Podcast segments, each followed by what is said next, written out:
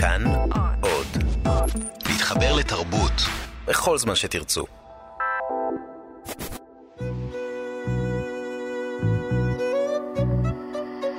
ליסה פרץ משוחחת. שלום לכם, מאזיני כאן תרבות. באולפן ליסה פרץ ואני מארחת אנשי ונשות תרבות לשיחה על החיים והיצירה. עורכת התוכנית ענת שרון בלייס. האורח שלי היום הוא במאי הקולנוע התיעודי תומר אימן.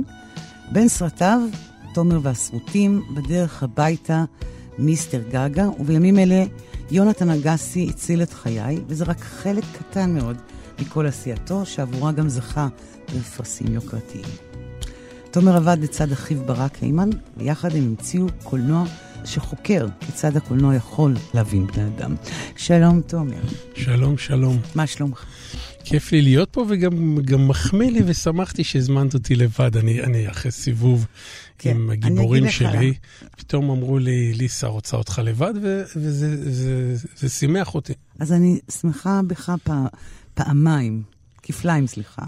אתה האורח של התוכנית החזרה שלי מהפגרה, אוקיי? וכן, רציתי לדבר איתך בנפרד ממושא היצירה האחרונה שלך, אבל לפני שאנחנו מתחילים בשיחה, ספר לנו ממש בקצרה קצרה על מה הסרט יונתן אגסי הציל את חיי, שמוקרם בימים אלה. הסרט הזה שמוצג בקולנוע לב וגם בערוץ 8 כסדרה בת ארבעה פרקים, הוא מספר את הסיפור של יונתן, בחור שנולד בחולון, ילד עדין ונשי ורגיש, שחטף את הכאפות של החיים אה, וממש שרטו אותו שם בילדות, כל השכונה הבורגנית החמודה של חולון, שקיללה ואימללה אותו, בתוך סיטואציה של אימא. אה, שנלחמת עליו וגם על שני הילדים האחרים. אבא שעוזב לברלין, אבא שבעצם אה, מותר פה ברדיו להגיד, זה מפזר את הזרע שלו לכל עבר וממשיך בדרכו הלאה, כמו הרבה אבות אחרים, והוא בשלב של גיל ה-20, אה, מנער דחוי ונשי וקצת מחודשקן, מגלה את המיניות שלו, מגלה את היופי שלו, אולי העולם מגלה אותו, מגיע בחור אמריקאי, מייקל לוקאס, ואומר לו, בוא תשחק בסרט פורנו ראשון. מייקל מצ... לוק, לוקאס, צריך לציין, הוא מפיק סרטי פורנו. והוא החליט שבפעם הראשונה לעשות סרט פורנו שיצולם באתרים קדושים במדינת ישראל. אני יודע, קדושים, מצדה, ים המלח, טבריה, ויונתן נבחר לאחד השחקנים. צריך גם בסוגריים להגיד, לא המון שחקנים ישראלים הסכימו להשתתף, כי ברגע שפה בישראל, מדינה קטנה, זה ישר אה, אה, מכיוון ההורים לא, לא בא להם בטוב. והוא הופך להיות כוכב מטורף. מתחיל להצליח בכל העולם, כובש פה השגות מאוד מאוד גדולות, שם אני פוגש אותו ומכיר אותו, ואחרי חמש שנים של שיאים מאוד גדולים, הוא הופך להיות נער ליווי, שזה כמו איזה המשך אה, מתבקש או לא מתבקש של העולם הזה, שם עושים את הכסף בעצם, לא מהמשחק, ומתוך עולם הליווי גם נחשף לעולם של סמים, אה, ובין לבין שומר על קשר מאוד חזק עם אימא שלו. ואיזשהו turning point בכל הסיפור הזה, שלי התברר, כבמאי, שארבע בלוקים מה, מהדירה שבה הוא מצלם את סרטי הפורנו שלו, ואולי גם מביא בחורים הביתה, גר אבא שלו. ואני מעולם המושגים שלי, מה אם אבא שלך גר ארבע בניינים לידך? אז אתה הולך להגיד לו שלום, הוא מדבר איתו מדי פעם, ואז הוא אומר, עזוב, עזוב, לא רלוונטי הסיפור של אבא שלי, ו- ובעצם נחשף uh, המערכת יחסים המורכבת עם אבא שלו, וכל זה מגיע לפיצוץ בברלין. הוא חוזר מרוסק לישראל לאימא שלו, מכור לסמים? אה, כן, עם טינה וג'י, אולי נדבר על זה בהמשך, מה זה אומר כל, כל העולם הזה. בעיקר, את יודעת מה, אז קצת הייתי ארוך, קצר, סיפור על בור בנשמה, על, על איזה בור לאהבה שצריך כל הזמן למלא אותו. ובסוף הוא מגיע לישראל, וביחד עם אימא שלו הם מצליחים לצאת, לצאת מזה ביחד. והיום הוא במקום אחר לגמרי. אוקיי. Okay. אמ, um... ממבט על כזה, על היצירות שלך, ואני מחריגה פה את, נאמר, את מיסטר גגה שהתמקד בדמות של אוהד נהרין ופועלו. אה, כשאני מסתכלת מבט על, על מפעלותיך, זה תמיד נוגע במקומות הכואבים של התא המשפחתי, תא חברתי, משהו שקשור בעצם לתא, כל תא שהוא, אבל בעיקר גם סיפורים של אנשים מול העולם הפרטי שלהם. וגם סוג של אאוטסיידריות מסוימת. עכשיו, כשאני אני קצת מכירה אותך, ואני גם יודעת שאתה, אני מכירה את הרקע שלך. אה, אני יודעת שגם במקום שבו אתה הגעת יש אה, פצעים כאלה ואחרים, אבל אני תמיד מבחינה שיש לך את הנטייה כמעט, ה... כמעט המובנת מאליה, ללכת למקומות שהם הפוכים לך, ממך לגמרי. כי באיזשהו מקום אתה אה, ישראלי יפה, אה, שעונה על איזשהו, כאילו מבחוץ, על איזה אתוס של ישראלי יפה, ואתה תמיד נוגע באנשים שהם שוליים, נידחים, שהחיים מאוד מאוד אה, התעמרו בהם באיזשהו, באופן כזה או אחר. הם שונים לגמרי מהמקומות שאתה הגעת מהם.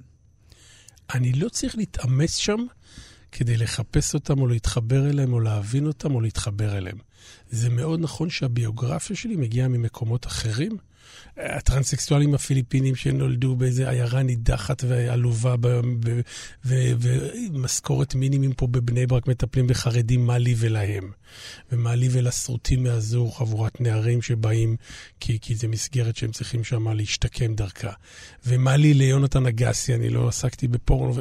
נכון. אבל אפילו הבן זוג שלך, שעליו עשית את הסרט, גם הוא אאוטסיידר לחברה הישראלית ואפילו למקום שלך כילד מושבניק, במאי תל אביבי ישראלי. אתה יודע, זה, זה עוד פעם מתעסק עם איזה סיפור כואב, שהוא בעצם מחוץ לחיים שלך. והשאלה שלי היא, מה זאת הנטייה הזאת? על מה, מה, מה בך? אתה מזדהה איתם? אתה אוהב אותם? לא מדברת איתך כשאתה עושה את הסרטים, כי זה ברור לי שלשם גם צריך להביא את התחושות האלה, אבל אתה מזדהה איתם באופן אוטומטי? אתה... איך... איפה זה מוצא אותך? יש שם חיבור הרבה פעמים שבא בכלל ממקום של הומור, של אנשים שכאילו פתאום מגחיכים את החיים וגם מזכירים לי, בואנה חביבי מותק, תסתכל על החיים קצת אחרת. זאת אומרת, אני זוכר שפגשתי את הפייפר דולס, את הפיליפינים, ובאתי עם האוטו שלי להופעה שלהם, ואני רק מגיע, לא ידעתי בכלל מי הם, הם עוצרים לי את האוטו, כולם ככה טרנסקסואלים, חבורת טרנסקסואלים או דרגיסטים, עוצרים את האוטו, אומרים לי, תדליק את המכונית עכשיו, ואתה הולך להיות האור של ההופעה. כי זה היה במוסך בדרום תל אביב, בסוגריים, מוסך שאני בכלל הכרתי בחור צעיר הומו שהגיע לתל אביב, ואנחנו לפני המקורות, שם כאילו היה בחורים שהייתי הולך ומזדיין איתם ומסתובב איתם במקום הזה. אני בכלל מכיר את המוסכים האלה אחרת, והם בכלל מכירים את זה ממקום אחר, ו- והיה רגע כזה, זה כמו רגע שגם היה לי עם יונתן אגסי, ש- שחשב שאני הולך להיות לקוח שלו והולך לשלם לי כסף כקליינט שלו. אז היה שם איזה מתח ראשוני, אני מגיע למלון להגיד לו שאני רוצה לעשות עליו סרט, הוא פותח לי מגבת קטנה, ובעצם... בעצם כאילו הוא שואל אותי מה אתה רוצה, איזה פנטזיות יש לך, איך אתה משלם, ואני מבין שאנחנו מדברים בתדרים שונים. מה שאני מנסה להגיד בזה, שכאילו יש את הטקסט, יש את המילים, ויש מה שמתחת. אני איכשהו מתחבר למשהו שקשור לא דרך מילים, לא דרך האינטלקט, לא דרך ה... ואני גם יותר אה, מאמין לאנשים האלה. אני בגדול, לא קונה את החלום הבורגני השקט של נישואים של 30 שנה, שלושה ילדים. למרות שמזה הגעת, כאילו. הגע... זה הסביבה שגדלת כן, אבל. אני גם ראיתי את, את, את השקר שבדבר הזה.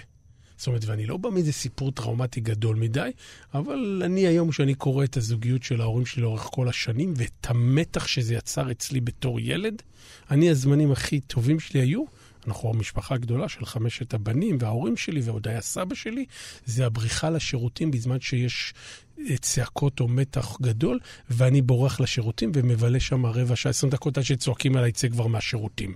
זאת אומרת, זה רגע ש... עכשיו את מעלה לי אותו, אני לא התעסקתי בו הרבה מאוד שנים, אבל סוג של בדיחה במשפחה, איפה תומר? תומר בשירותים. כמה זמן בן אדם יכול להיות בשירותים? בתור ילד, מדבר על ילד קטן שבורח לשירותים. אני חושב שתדר של מתח בני, בין בני אדם, שזה משהו שהיה מאוד חזק בבית שלי בין ההורים. תדר של מתח, אבל בתוך תאים משפחתיים. בתוך תא משפחתי, הורג את הנשמה. כאילו עושה שם משהו מאוד מאוד מאוד מאוד הרסני. אז זה א', חוויה אחת מאוד מאוד מאוד חזקה ש, ש, שקופצת לי עכשיו. אני גם, בתקופה ההיא, בכפר ידידיה, גם העניין ההומואי, היה קשור במלחמה מאוד מאוד גדולה. אז אין לי סיפורי אימה או זוועה כמו שאחרים חטפו, אבל את המלחמה הפנימית שלי עם עצמי, בללכת ולהתנשק עם בחורות, לאהוב בחורות, לשכב עם בחורות, לעבור במסלול הזה ולשנוא את עצמך ולחשוש איך הדבר הזה רואה. אז, אז, אז לשמחתי, הבן זוג הראשון שלי בתל אביב היה בן אדם מאוד מאוד אה, רגיש ואוהב, והחוויה הייתה טובה. היום אני מבין כמה חשוב, גם לא משנה אם אתה סטרייט או הומו או גבר או אישה, כמה החוויה הראשונית של זוגיות היא דבר נורא נורא משפיע. אז בדיעבד הייתה לי חוויה זוגית טובה.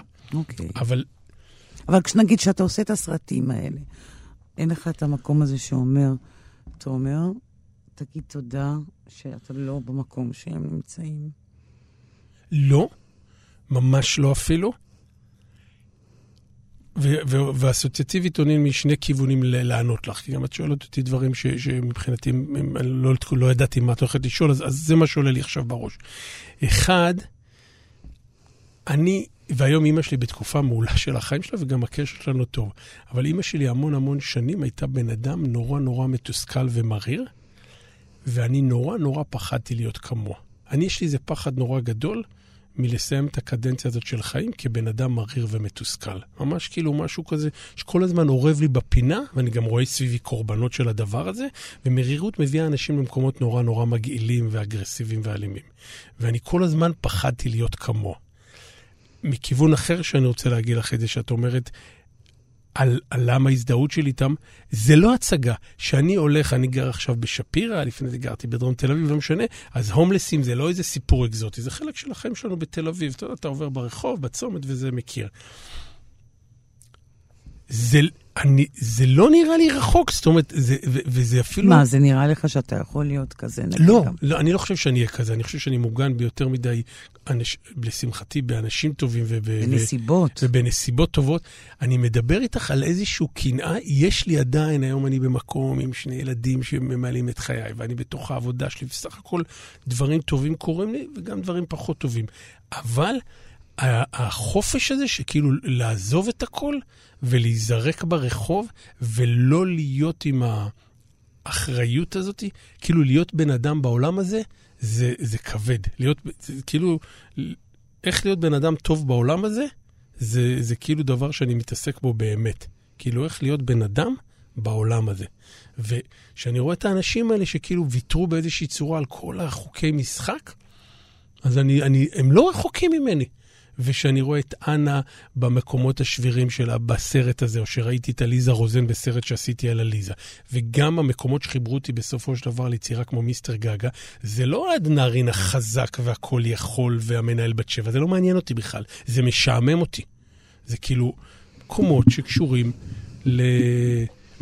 את רוצה להגיד לי שאין לך בכל יום נקודות רגישות שאת כאילו נשברת אל מול החיים ואומרת, אני רוצה לוותר? מהיום, ש... מהרגע שאני מתעוררת. אז את מבינה על מה אני מתכוון. כן, אבל אני תמיד טוענת ש... שבעצם מושאי היצירות שלנו, הדברים שאנחנו עושים, הם בעצם איזה extension שלנו.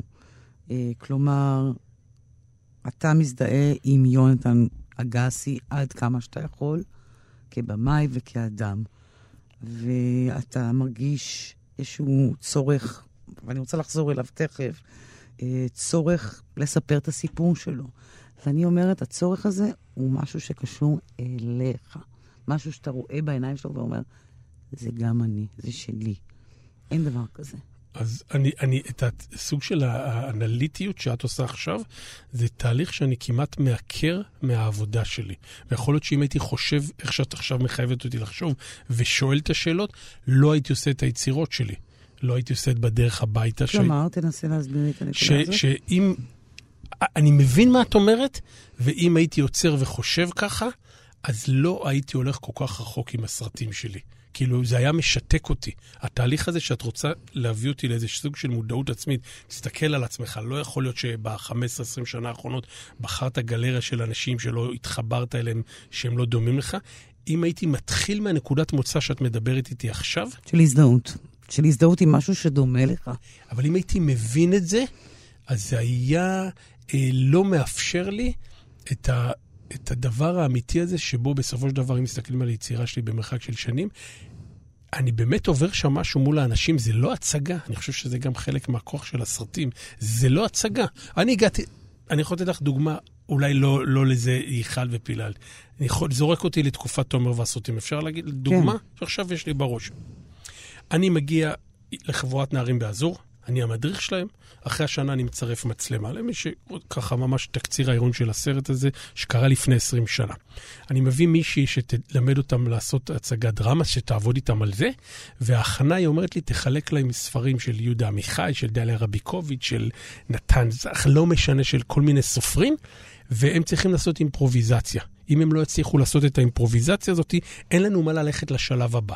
בסוגריים, כולם אומרים לי, חלק גם מהצוות המקצועי, תומר, אתה קופץ על עץ גבוה מדי, הנערים לא יכולים לעלות הצגה, אתה מגזים בדרישות. אני אומר להם, יש שם משהו, יש שם משהו.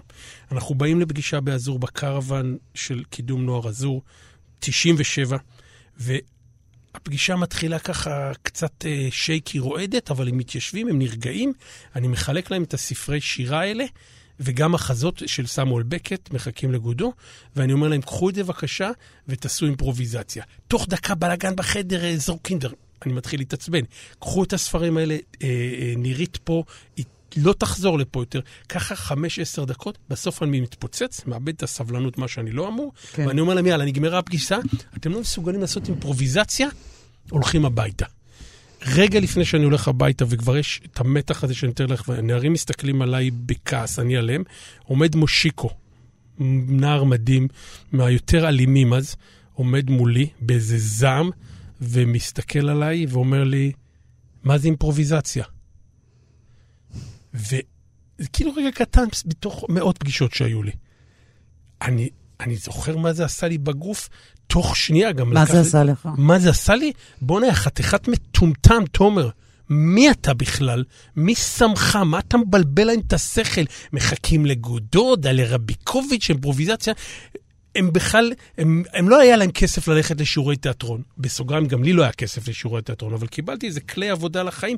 לימדו אותי מה זה אימפרוביזציה ברמת השפה שלי. יש אנשים שגדלו במקומות אחרים, מבחינת היכולות או מבחינת העברית שלהם, זה לא משנה בכלל מה. נכון. ברגע שהסברנו להם את זה, קחו את הטקסט, תאלתרו אותו, תעשו מה שאתם רוצים.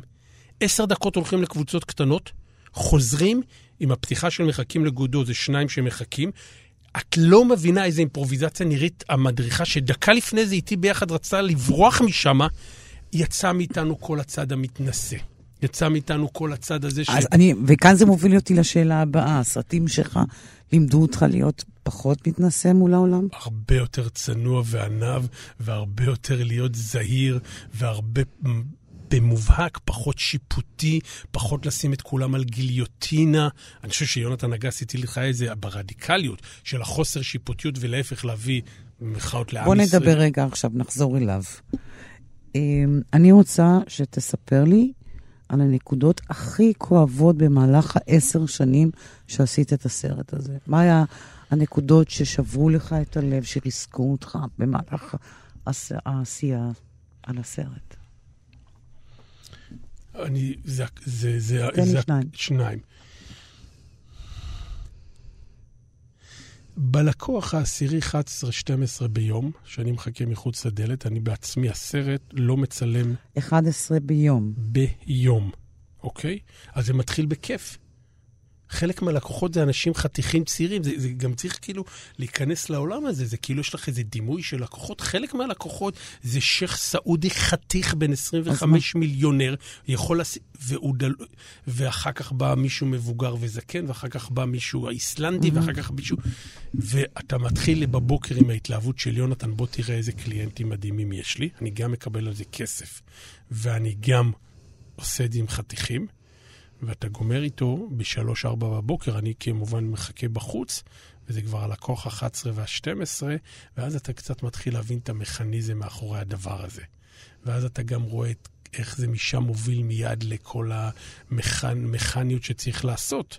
אז אחד הרגעים ש, שקצת הוציא אותי מאיפוס, זה מאחורי הקלעים, שאני מזהה את ההזרקות לאיברי המין של השחקנים, שיונתן מתלהב מזה.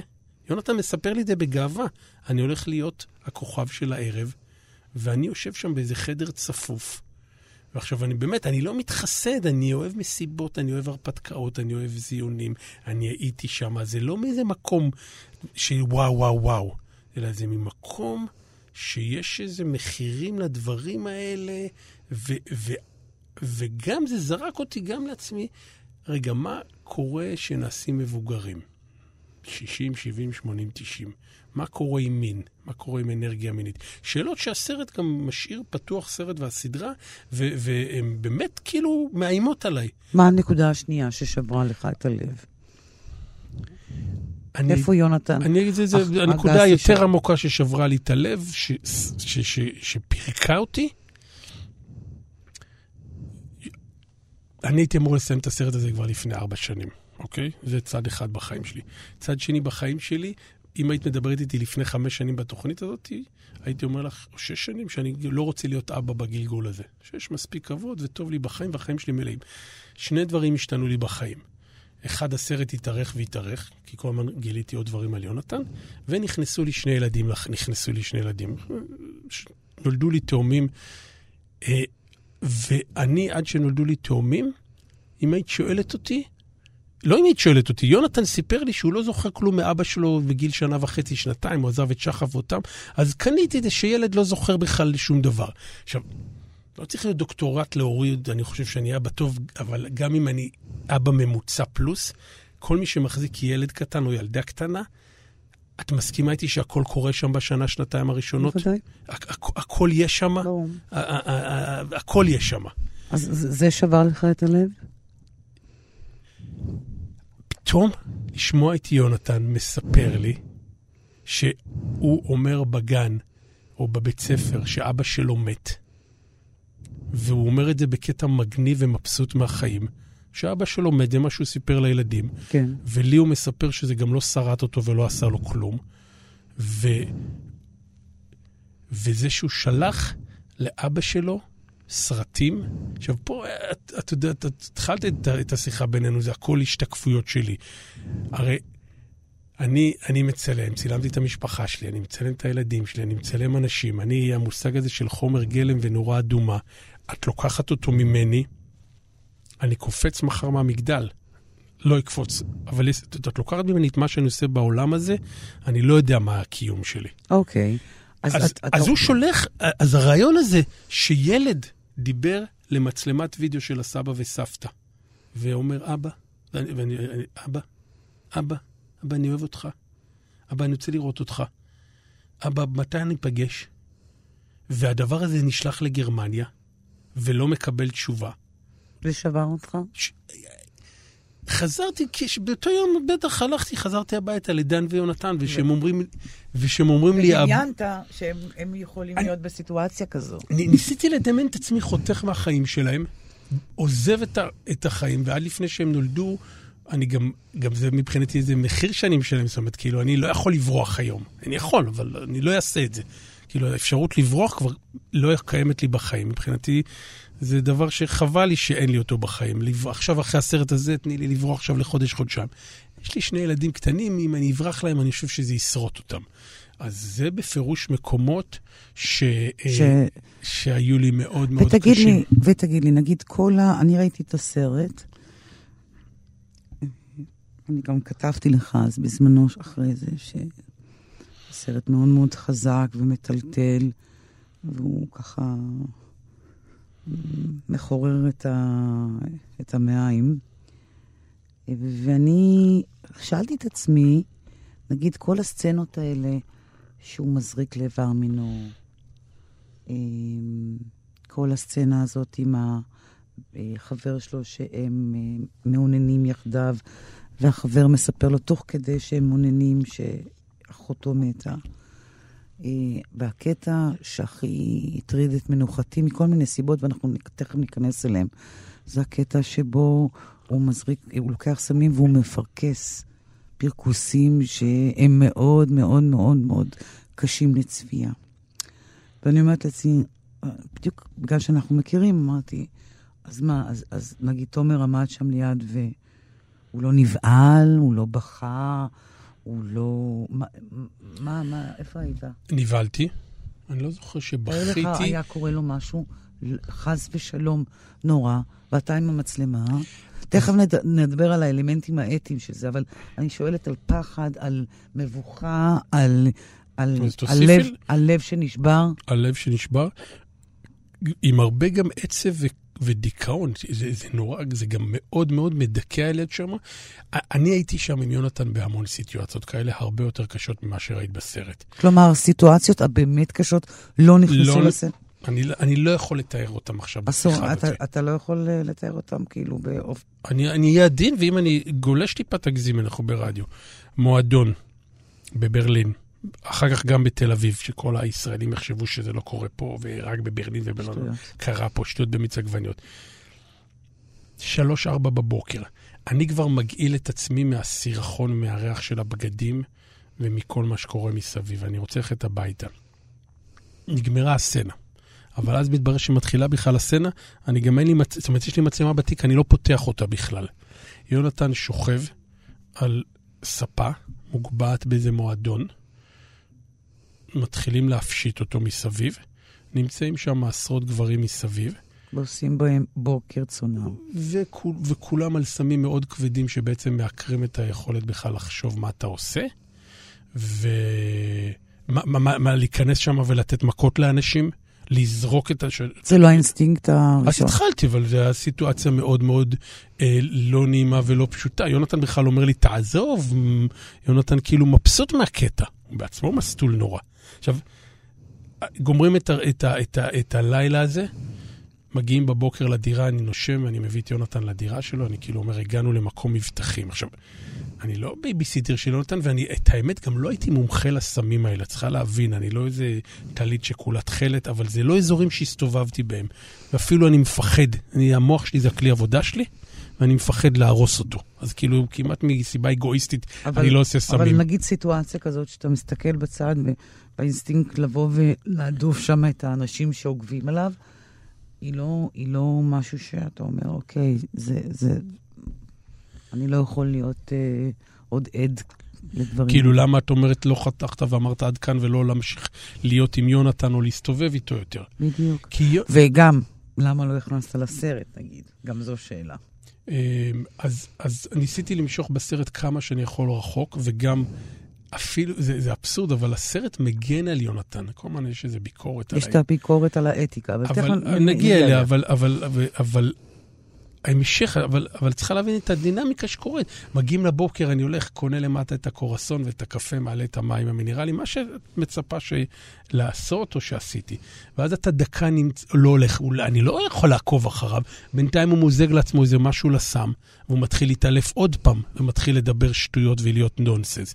ואז אתה מחבק אותו ומחזיק אותו. ואחרי 10, 20, 30, 40 פעם, אתה מתחיל להבין שזאת הדינמיקה. התעלפויות וקמים, מתעלפים וקמים, ו- ויותר מזה, אתה גם מבין שאתה לא, אתה לא יכול ללכת למקום הזה וכאילו כל המושג הזה להציל אותו, לקחת עליו אחריות. אתה יכול לנסות מאוד מאוד לעזור לו, ומה שאבסורדי, סוריאליסטי, עצוב, אבל שמח, שמה שלא, לא ניסיתי, אבל מה שניסיתי כמה שנים, וגם אימא שלו, הצליח, הצליחה לעשות הסדרה והסרט, הצליחו לעשות הרבה יותר מכל מה שאת מתארת. כלומר, היום הוא במצב טוב, כמו שזה. שהוא ראה את החומרים המצולמים של הסצנות הקשות, כדי שהוא יאשר אותם, שאת תוכלי לראות אותם או אנשים אחרים, הוא היה בהלם, הוא נגעל מעצמו. בהתחלה הוא אמר, אין על מה לדבר, אתה לא מראה את זה בסרט או בסדרה בחיים שלך. ובנוסף לזה, הוא התעסק רק באסתטיקה שלהם, שהוא לא נראה מספיק סקסי וטוב. את, את, את מבינה לאיזה רמת הדחקה הוא הגיע באותו רגע? ואז התחיל תהליך, והיום המראה הזאת היא של יונתן. אבל אני דווקא רוצה להיות זהיר מאוד. אני לא אוהב, והיה לי ויכוח על זה עם יונתן לא מזמן, אני לא אוהב שמאשימים סמים בעולם הזה. הסמים לא אשמים בכלום. הם מתיישבים על אישיות. ומישהו מישהו בוחר להשתמש בהם, מישהו בוחר למכור כן. אותם, מישהו בוחר לא ל- ל- ל- ללכת למקומות האלה. עכשיו, זה צד אחד. הצד השני זה המהלך, התהליך שעבר לי מול יונתן, שבהתחלה נורא קינאתי בחופש שלו.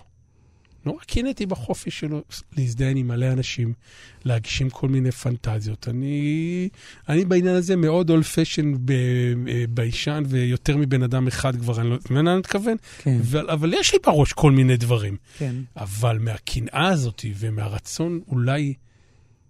הרי מה קורה בסרטים? אתה באיזושהי באיזושהי צורה חווה את החיים דרך הגיבורים שלך. אתה בעצם בזכותם, ושם כאילו הנצלנות קיימת, אתה הולך לאנשים אחרים. אבל זו שאלה שהתעסקו בה לא מעט בהקשר של הסרט שלך, של בעצם השאלה האתית. כמה בעצם אדם שהוא לא מודע, אה, אתה יכול להשתמש בחומרים שהם חייב, מה אתה בורר החוצה או פנימה, מה הסולם שלך למזעזע ולא מזעזע. אמ, תראה, הצד הזה שאומר שהסרט הוא נצלני, יש לו, בוא נאמר, יש לו, יש לו על מה להתבסס. רואים במאי, פותח מצלמה, אדם מפרכס, הוא תופס רגע זהב טלוויזיוני, אוקיי? זה, זה ברמה אחת. זה משרת אותם היטב. זה, אבל זה מעצבן אותי הדבר הזה, כי זה נכון... תסביר לי מה מעצבן אותך בדבר הזה. זה גישה מתחסדת וצבועה. יופי, תסביר את זה, אני כבר שמעתי אותך אומר את זה. ואני, ורק עם הזמן, כי אני, אולי כי אני גם מקבל אותה כל כך הרבה. אקט נצלני מתחיל בזה שאתה בכלל עושה סרט על בן אדם ומתחיל לבחור לו מהחיים חלקים נורא נורא נורא ספציפיים. לד... בוא, נעזוב רגע את יונתן, בעיניי אפילו הרבה יותר קשה זה המקרה של אנה של אימא שלו. אנה עשתה המון מאמצים להוציא את יונתן מה, מהדברים האלה, והסרט בוחר דווקא להציג את אנה במורכבות שלה וסימני שאלה מאוד מאוד לא פשוטים עליה, אוקיי? Okay. אוקיי. יש שם... אני, אני מנסה דרכך איכשהו... לשת... לא, אני רוצה שתחזור ותסביר לי מה מעצבן אותך. מה מעצבן אותי? בטענה הזו. ש... שלקחת שזה... חיים מאוד קשים של אדם וניצלת אותם. תנסה להתעמת עם זה, אוקיי. עקרונית. אני לא לקחתי חיים של אף בן אדם. נוצר פה איזה ברית, נוצר פה איזה הסכם שמשרת את האינטרסים של שני הצדדים. סרט טוב או יצירה טובה, בסופו של דבר, אם היא לא פוגשת באמצע את האינטרס של הגיבור והאמצער במאי, היא חורקת. והרבה פעמים זה קורה, או שהבמאי רוצה יותר מדי והגיבור או הגיבורה, או להפך, אתה מרגיש סרטים שהגיבור והגיבורה והבמאי לא שם. אני דווקא חושב שיונתן אגס הציל את חיי זה בדיוק איזה מפגש מאוד מאוד מדויק. בואי נתחיל רגע מהסוף, וצריך להיות, סליחה על הביטוי, צריך להיות טמבל או לא מבין מהחיים שלך. הגיבור הסכים שהדבר הזה יהיה. אני, נקודת המוצא של יונתן הוא בן אדם אינטליגנטי, חריף. זה קרה לפני שלוש שנים, אנחנו מדברים על פרספקטיבה של זמן. מה שאני מנסה להגיד לך, שהסנף בטלוויזיה וברדיו שלך, ורואים דברים מטורפים, מראיינים אנשים כאילו מאיזה רגישות נהרג להם מישהו... אבל אנחנו לא עכשיו עוסקים בהשוואה. זה שזה, אתה אומר שיש סנף בעולם, אתה יודע, זה לא צריך להיות הקוד האתי שלך. אני מקבל את זה לגמרי, ולמדתי רגע משהו. לא, אני רק רוצה שתנהל איזה דיון עקרוני מול הטענה הזו. הדיון העקרוני הוא שאני שמח שפעם אחת הייתה לי מצלמה. כי בואי, אני אתן לך סצנריו אחר. לפי מה שאת מתארת, או את מייצגת את הכל, או את רוצה להגיד לי את הכל. הייתי יוצא את הסרט הזה, את אותו סרט על, על, על, על בן אדם שעושה בליווי ובסמים, ולא מראה בכלל את האלמנט הזה. אם אני... זה סרט עקר. את היית צריכה אז לראיין אותי ולהגיד, בואנה, אתה חתיכת צבוע, שקרן, מניפולטור, מה אתה מספר לנו פה סיפורים? ואני מציע פה הצעה, א', בעיניי הרבה יותר אמיתית ואפילו אותנטית, וגם מה שמדהים אותי, אנחנו עדיין במדינת ישראל לא מכריחים בני אדם ללכת לקולנוע. את מסכימה איתי שלא עומדים ברור. בכניסה ומאחר? כן, אבל אנחנו מדברים, אתה יודע, סרט אה, אה, דוקומנטרי, תמיד יש לו את העניין האתי הזה. של כמה אתה משתמש בחיים של אחרים, ומה אתה עושה איתם, ואיך אתה עורך אותם. זו שאלה שתמיד מרחפת על דוקו. היא לא מרחפת, היא שם, היא נקודת המוצא. ואני אומר לך שכל הבמאים והבמאיות שמדברים על, על, על זה שהם מסתכלים, הם, הם זבוב על הקיר והם לא מתערבים, אין סרט. הנקודת מוצא של סרט דוקומנטרי, יש בו איזה אקט בעייתי ונצלני וקשה. בואי נצא מזה, ככה מתחיל הסרט. את מדברת איתי על סצנת הסיום בסרט, אני מדבר איתך על סצנת הפתיחה. עכשיו, אני, זה מה ש... זה כאילו, אני ככה רוצה לעשות את הסרטים והיצירות של, כאילו, אם אני לא אעשה את הדבר הזה, את יודעת מה? גם לפני 20 שנה בתומר והסרוטים, שכחו את זה כבר, יש שם סצנה מאוד קשה שהנערים מקללים מישהי מאוד, אתה יודע מה, אני לא יכול להגיד את זה, אני לא יכול להגיד את זה במיקרופון. מקללים אישה בצורה מאוד מאוד אה, בוטה. את מכירה אותי קצת, את יכולה לדמיין שאני לא מדבר ככה לבנות או לנשים, לא דיברתי ולא חינכו אותי ככה. מסכימה איתי? כן. להראות את זה בסרט או לא להראות את זה בסרט? להראות. אוקיי. אנחנו נקפוץ לפייפר דולס. יש שם סצנות מאוד מאוד לא פשוטות של גזענות מתוך עולם חרדי. באים אנשים לטפל בהם, בוודאי. בוודאי שלהראות להם. אז אז ביונתן אגסי, כל מה שקרה קצת, שהגיבור הוא הולך קצת יותר רחוק, אז גם הסרט הולך יותר רחוק. אני רוצה להגיד לך שני דברים שעלו לי במהלך הצפייה, מאוד חזקים. אחד, מה שאמרתי קודם, השאלה הראשונה שעלתה לי בראש זה, מעניין איזה חומרים לא נכנסו לסרט הזה. אה, כלומר, מה היה המדד הפנימי שלך של להכניס או לא להכניס? על פי איזה מדד הכנסת? והדבר השני, שזה נגע כשסטרייטים, ונשים סטרייטיות וגברים סטרייטים, שראו את סצנות המין, זה מין עולמות שאפילו אני, שאני קרובה לקהילה מאוד, אמ, זה מכה אותך בתדהמה. המוזיקאי, אחד המוזיקאים, אחד משניים, מתן דסקל, בחור מתוק, סטרייט, שלא מזיז לו בכלל עולם הומואי, הוא ישב ככה שהוא בא להקרנה ראשונה, אני אומרת לך, והוא אמר לי, תומר, אני... שסטרייטים, כשהם רואים את הסרט הזה, הם נדבקים לקיר, ואני אומרת לך, סטרייטיות שיש להם מגע עם העולם הלהט"בי לסוגיו וההומואי, זה לא משהו ש... שסטרייטים בכלל יכולים לעלות בדעתם. אז המין הכי פרוע של סטרייטים לא מתחיל לגרד את המין הכי בנאלי של גייס. ולכן המפגש הזה, זה, א', נשים זה נורא נורא מרתיע אותן, כי נשים, כשהן רואות את הדבר הזה, אז אתה יודע, זה נשים בזנות, אוקיי? שזה כאילו נשים. אה, של נצלנות. זה דברים שנשים נורא יכולות להתחבר לזה. גברים לדעתי, אה, סטרייטים, מופתעים כי הם, הם לא מאמינים שקיימים עולמות אה, הדוניסטיים כאלה. וגם יונתן כל הזמן הופך לך, אתה בשלב מסוים כבר לא מבין את חלוקת התפקידים, הרי שם רגע שפתאום גבר שחור עם גרביונים שחורים ערום במיטתו, יונתן מנשק אותו, אחר כך יונתן לובש את הגרביונים, יוצא למועדון עם הגרביונים השחורים. טוב, אבל זה כבר דקויות של uh, גייז, אבל אני אומרת לך, נשים שהן רואות את זה, זה ממש עובד להם על המקום הזה של אישה בזנות. כלומר, אתה רואה את המראות האלה, אתה מכיר אותם. אה, מהרחוב, מהעיתונות, מתקשורת, ממכונים ליד הבית שלך, אבל... אה, ולגברים זה, זה מזעזע אותם בקטע המיני. זה מזעזע אותם בשני, בשני מקומות שונים, מעניין. ויונתן גם הציב אופציה שאני בעצמי, אין לי תשובה ברורה עליה. יונתן, לשיטתו, בהרבה מהמקומות בחר בדבר הזה, אל תבלבל לי את השכל, אני לא קורבן של שום דבר, ואני נהנה מזה ואני חושב. את אומרת, את, את עושה את הפרצוף שלך עושה, עכשיו. אני עושה את הפרצוף הזה, כי אתה יודע, אני עושה את זה כי אני, אני, יש, יש נתונים נורא מוצקים על הדבר הזה.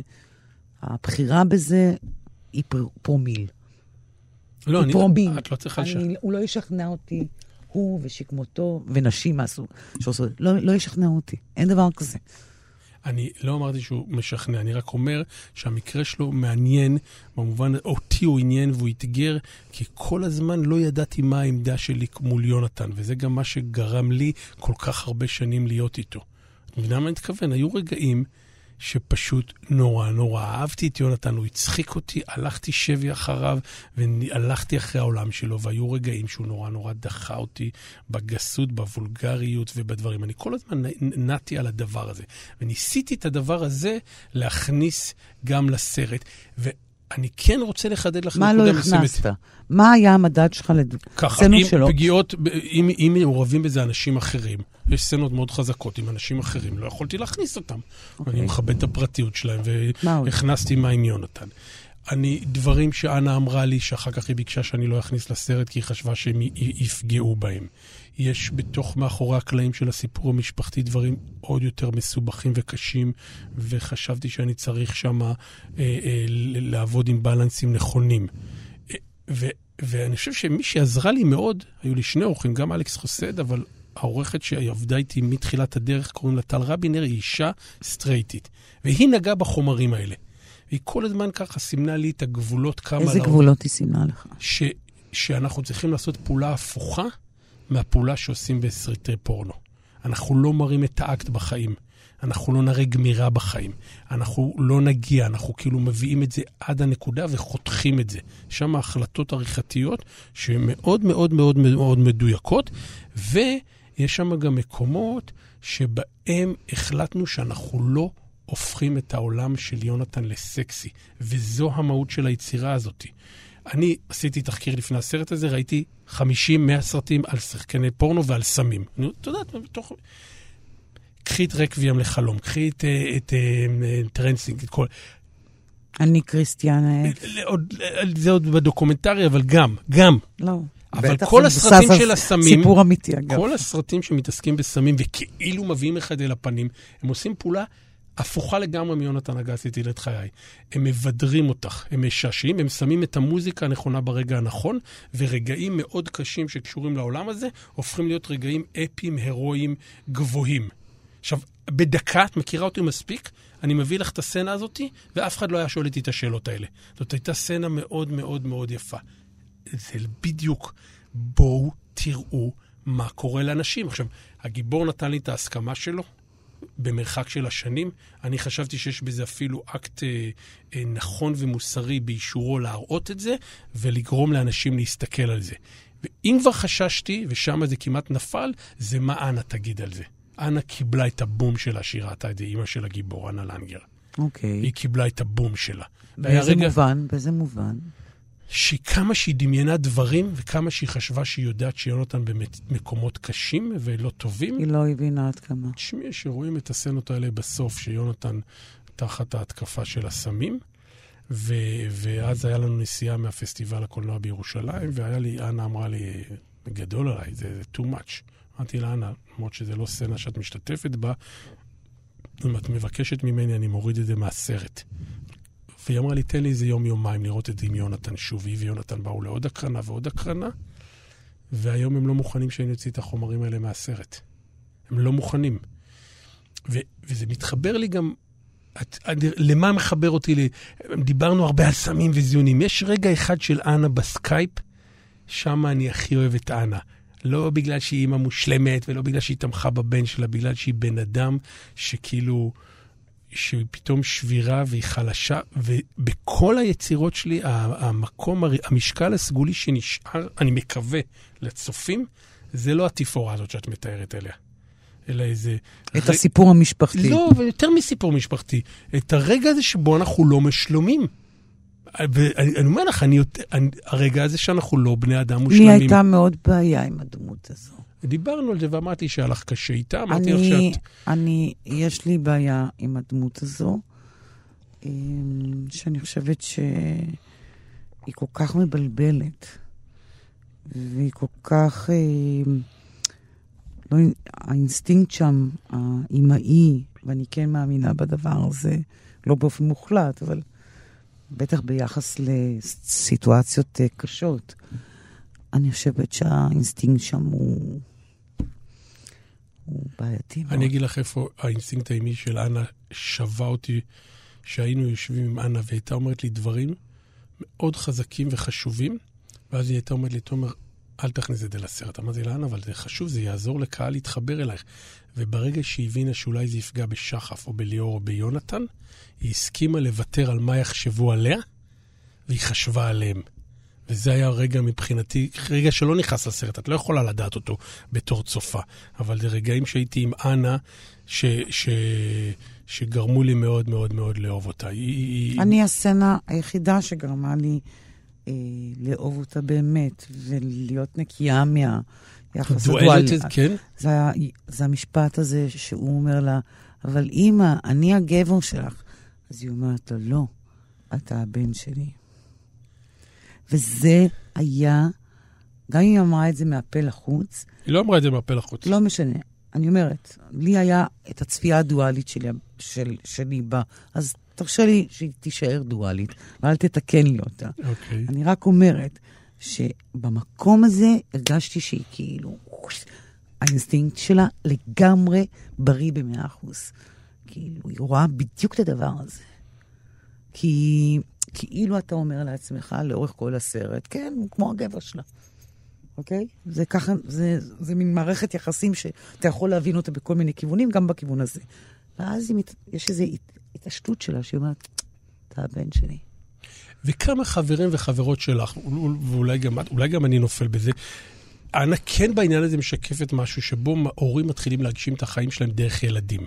תמיד. מכירה את ה... למה, מה זה תמיד? תמיד. תמיד. אז ההורים לא צריכים לחיות... ברור לה... שלא, לא אבל צריכים... מה, ההורים לא צריכים לעשות הרבה מאוד דברים, אבל הם עושים. ואני לא מתכוונת לשפוט את אה, אנה ואת האינסטינקט האימהי המלא או השלם או החסר שלו, זה לא מעניין אותי. אני רק אומרת לך, המקום שהדמות הזאת, ש, uh, שהזדהיתי איתה לגמרי, היה רגע אחד בודד, וזה היה במשפט הזה. אמ, אני צריך לשלוח לך את הפרק הרביעי של הסדרה. יש שם עוד מאנה שסוגר את הדמות שלה בצורה יותר עמוקה, שמסיבות של הקולנוע החלטתי לא להכניס אותו לגרסה של הסרט, ופתאום היא כאילו משתפת ברגע הזה שהיא כבר מבינה שיונתן הוא גבר בן 34, הוא ילד גדול, והיא לא יודעת כבר מה לעשות. אני עוד פעם חוזר על זה שכאילו שם היא אנושית. מה אני עושה איתו? עם הפראיות שלו? אני שואל אותך, מה אימא עושה עם ילד שהוא פראי ועושה בחירות מאוד מאוד מנוגדות לדברים? היא קודם כל גב בעולם, כמו שהיא הייתה גב בשבילו, אבל היא גם שוטר נורא קשוח. הורים צריכים להיות שוטרים. אין מה לעשות. הם השוטרים הראשונים בעולם.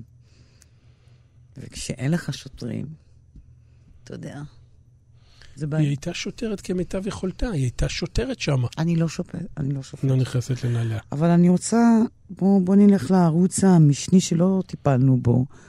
זה כל עולם הסמים בסרט. ת, תעשה לי מורה נבוכים, מה קורה שם? מורה ונבוכים. יונתן בשנים הראשונות אסור, גם אסור לו על פי החוזה שלו עם חברת ההפקה, להיות, להשתמש בסוג של סם אסור באלכוהול, הוא חייב לישון 8-10 שעות, הוא חתם על חוזה, וקיים את החוזה, והיה נער קולג' אה, בריא בנפשו, שהולך ל... ל, ל, ל רואים את זה גם בתחילת הסרט, אם את זוכרת שם, שהוא ככה עוד כולו אה, אה, ערני וחייכן, ואוהב את העולם ואת החיים. לאט לאט הוא נחשף לשני סמים מאוד מאוד קשים. שאחד זה הטינה, שקריסטל מת, שיונתן רצה נורא לשכב עם מישהו, הוא רצה נורא להיות עם מישהו, אני לא יודע, רצה מישהו, והמישהו הזה היה על טינה, וכדי לזכות בבחור הזה, או כדי להיות איתו, אז צריך להשתתף בחגיגה הזאת, כי הוא ידע שאסור להתקרב לסם הזה. הוא ידע, הוא ידע מה זה עושה לאנשים. אתה רואה את זה במועדונים. אתה רואה את האנשים שיוצאים החוצה לרחוב, וחלקם פשוט לא קמים ומתים. בואי, בואי רגע, עזבי את כל המילים הגבוהות ויפות. אנחנו מדברים על השורה הזאת בעיתון הארץ, או בעיתון אחר, שמישהו מת במסיבה. אז אנחנו, את מבינה מה אנחנו מדברים? Mm-hmm. אז למזלי, למזלנו, זה לא יונתן אגסי מת במועדון, זה הבחורה הצעירה או הבחור. זה הסיפור. הוא יודע את זה. אבל הוא מתאהב בבחור, הוא מתחיל לקחת את הטינה הזאת, את הקריסטל מת, זה סם שאו שהוא הזריק אותו לוורידים, או שהוא כל היום עם ה pipe מעשן אותו, ובשלב מסוים הוא כל, מעביר 24-7 סביב הסם הזה, ואם הוא לא בסם הזה, אז הוא בוגד בו עם הסם השני, שזה ה-G. G זה סם האונס, מה ששמים במועדונים ויש סיפורי זוועה על כל מיני בחורות, נשים, נערות ששמו להם, ויש כאלה מקרים מאוד מאוד מאוד קשים, ש... שמצאו את עצמם מתעוררות. עכשיו, כאן יונתן אונס את עצמו, רק שנהיה ברורים. אף אחד לא שם ליונתן בכוס. יונתן שם לעצמו בכוס ומאבד את ההכרה. אבל כמובן שאתה רואה את הקשר בין ההידרדרות המהירה שלו לבין סוג הסמים והכמות שהוא לוקח. לא, אני, לא, איך את מסבירה את זה שיש... מה זאת אומרת? כדי, כדי, אני חושבת, ואני אומרת את זה מהמקום הלא טוב, כדי לעבור חוויות כאלה, אתה לא יכול להיות במגע עם הגוף שלך. רק לקחת סם מהסוג הזה או הזה, זה מנתק אותך. אתה לא יכול לעשות את זה בדעה צלילה. אין דבר כזה. אני, אני מסכים איתך. אין דבר כזה. ויותר מזה, אי אפשר. שהיה לי הרבה ויכוחים עם יונתן. נשים בזנות. יאמרו לך את אותם דברים. אבל את הולכת רק לאזורי הזנות, אני הולך לאזורים... אני לא מדברת על הזנות. אני, אני, הולך על... ש... אני מדבר. אני מדברת על חוויה משותפת לנשים בזנות לבין יונתן אגסי. והחוויה המשותפת זה ניתוק, זה די-אסוציאציה מהגוף.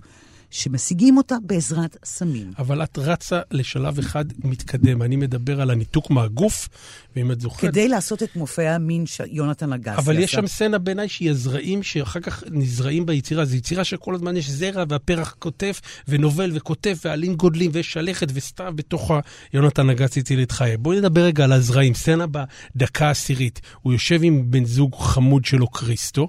אני שואל אותו שאלות הכי בסיסיות על אבא שלו. מה, שאלה שכל אחד שואל. אבא שלך בא וזה, ושם הוא מתחיל לאבד את, ושם הוא מתחיל לעצום את העיניים, וכמעט פורק את המפרקת שלו, והבן זוג שלו לוקח אותו למיטה. זאת אומרת שהניתוק שה, הרגשי של יונתן, יש בו כל מיני שכבות. ואני רק אומר לך שלפני הבור שהסמים מילאו, יש שם בורות אחרים שיונתן היה צריך להתמודד איתם. אני רואה את זה על רצף אחד. את רואה על רצף? רצף. אחד, הניתוק עם הסמים זה כאילו לווליום הכי גבוה שיש, שזה זה, זה הדבר הזה. אוקיי? ואת כן מדייקת ש, שיונתן לא רצה להיות סאחי, מי שלא יודע, סאחי, להיות נקי, להיות... אה, צלול. צלול. הוא היה, אמרתי לו, יונתן, אתה... עכשיו, זה לא הצגות. יונתן, שהוא לא סאחי, הוא מהמם. הוא בן אדם מהמם, אני הגעתי איתו להרבה, לפעמים אנשים אומרים לי, אי אפשר לדבר עם יונתן, אין על מה לדבר איתו, כי הם מכירים את יונתן המסטול. אני אומר להם, תקשיבו, אני הגעתי עם יונתן למקומות מאוד רחוקים של, של, אה, של דיוק מחשבתי ואנרגטי. אבל יונתן היה אומר לי, לא רוצה להיות צלול, לא רוצה להיות נקי ותעזוב אותי. וזה קשור כבר בכלל איך אתה מצליח לגרום לאנשים שנמצאים בעולם כזה של סמים, ליווי זנות, איך העולם יציע להם משהו יותר אטרקטיבי מזה. ופה מתחיל להסתבך הסיפור, כי מה, מציעים, מה, מה את מציעה ליונתן בחיים האלה? כאבים, כדורים פסיכיאטריים, ללכת לאברבנל, ללכת לפסיכי... אני שואל אותך מה... מה... למה? כי יש לזה תגיות שליליות בעיניך? לא, אני שואלת. אני, אני, יונתן, במסלול אחר של החיים, אני גם לא, אני לא יודע מה טוב ומה רע. נכון, אנחנו לא יכולים לשפוט את זה. אבל אני רק אומר, אני, בגלל שאני כל הזמן נשפט, אז אני קצת עכשיו נופל במחלה הזאת ש, שזה. נכון, אנחנו אז, לא יודעים. אנחנו, אנחנו לא... לא יודעים, אנחנו לא רופאים, ואין לנו את הכלים לעשות את זה. אני רק אומרת, אוקיי, צריך להבין שזה סיבה ומסובב. הניתוק מהגוף, ההתנתקויות האלה שנוגעים בדברים כואבים לו, בין אם זה עם סמים, בין אם זה הירדמות תוך כדי. מה שאני רוצה להגיד לך, שאת, הסרט יש בו איזו אמירה, אני חושב, כן חריפה על הצד האפל של סמים והבעייתיות, אבל יש בו דבר הרבה יותר קשה, זה כלפי הורים שעושים ילדים. אני כל הזמן מנסה גם להגיד לך, שם הלב של הסרט ושלי. שם הלב שלי. ילדים עושים כל הזמן בעולם הזה. בכל הזמן אני שומע על עוד. יונתן הוא שום דבר מקרה מיוחד, ואני אני כאילו... תגידו לי, אתם מטומטמים? תגידו לי, אתם מטומטמים? מה, כמה ילדים, מותר לשאול אותך כמה ילדים יש לך? אין לי ילדים. אין לך ילדים. אז יש לך חברים עם ילדים? בטח, כולם. כולם עם ילדים. את, את רואה את החוויה הזאת שלהם מול ילדים? כן. זאת אומרת שכאילו ילד צריך אותך בתור האדם המבוגר, לשמור ולהגן עליו. לא צריך להיות פה דוקטורט להורות, מסכימה איתי? Mm-hmm. שהילד, היצור הקטן הזה, אתה בשבילו כל העולם? ויש איזו בגידה נורא עמוקה של עולם המבוגרים בילדים, דרך הסיפור שעולה פה במקרה של רביב. ואני פשוט מזהה שזה מחלה, איך אומרים? אה, מחלה ממאירה כזאת, שמסתובבת בכל הדברים, וזה, לא יודע, זה המקום בזמן האחרון שאני מסתובב איתו נורא נורא נורא חזק. כאילו האחריות ההורית הזאת, הדבר הזה, למה בכלל לעשות ילדים? למה בכלל לעשות ילדים? ואם לעשות אותם, אתה צריך לשמור ולהגן עליהם. נראה לי שכאן אנחנו נסיים. רציתי להגיד לך תודה רבה, תומר. תודה רבה לאן שלקחת אותי לאיזה מנהרות חדשות בתוך המוח שלי. עד כאן השיחה עם הבמאי הסרטי התעודה תומר היימן. אני ליסה פרץ, עורכת התוכנית ענת שרון בלייס. אתם מוזמנים להאזין לשיחה הזאת ולאחרות באפליקציית כאן אודי. תודה.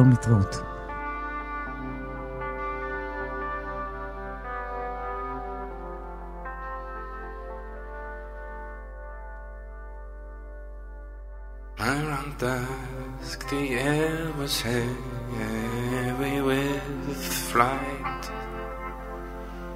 Memories were floating in your heart.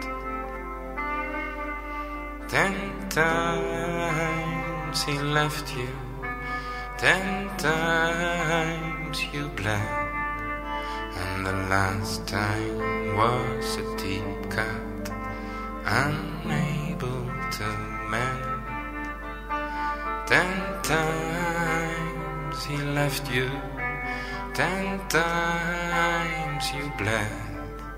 And the last time was a deep cut, unable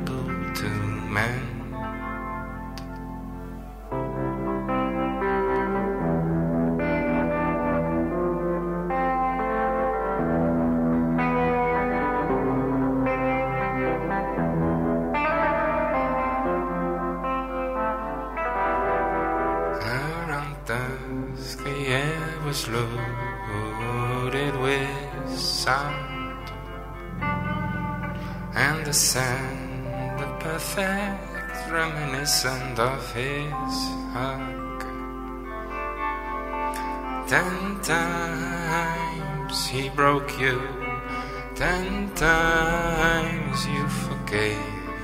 But the last time was a deep cut, unable to change. Ten times you let him return your smile as it faded. What was left was not enough.